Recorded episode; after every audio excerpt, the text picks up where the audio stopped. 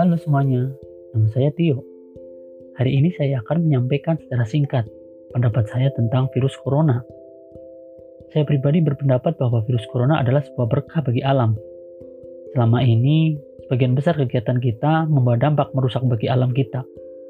Mulai dari pembersihan lahan, penambangan, pembuangan limbah, hingga tindakan kecil yang kita anggap tidak berbahaya, seperti mengendarai kendaraan pribadi dan buang sampah bersembarangan.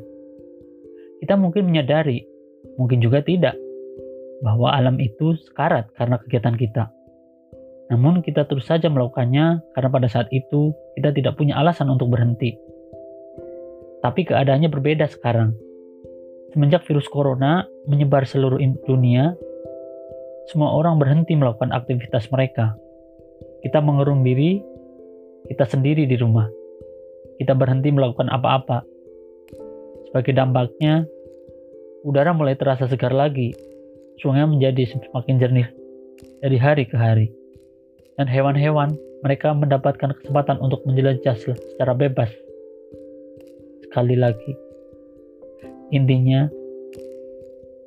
adalah bahwa virus corona memberi alam waktu untuk menyembuhkan dirinya sendiri. Dan itulah sebabnya saya berpikir bahwa itu merupakan berkah bagi alam.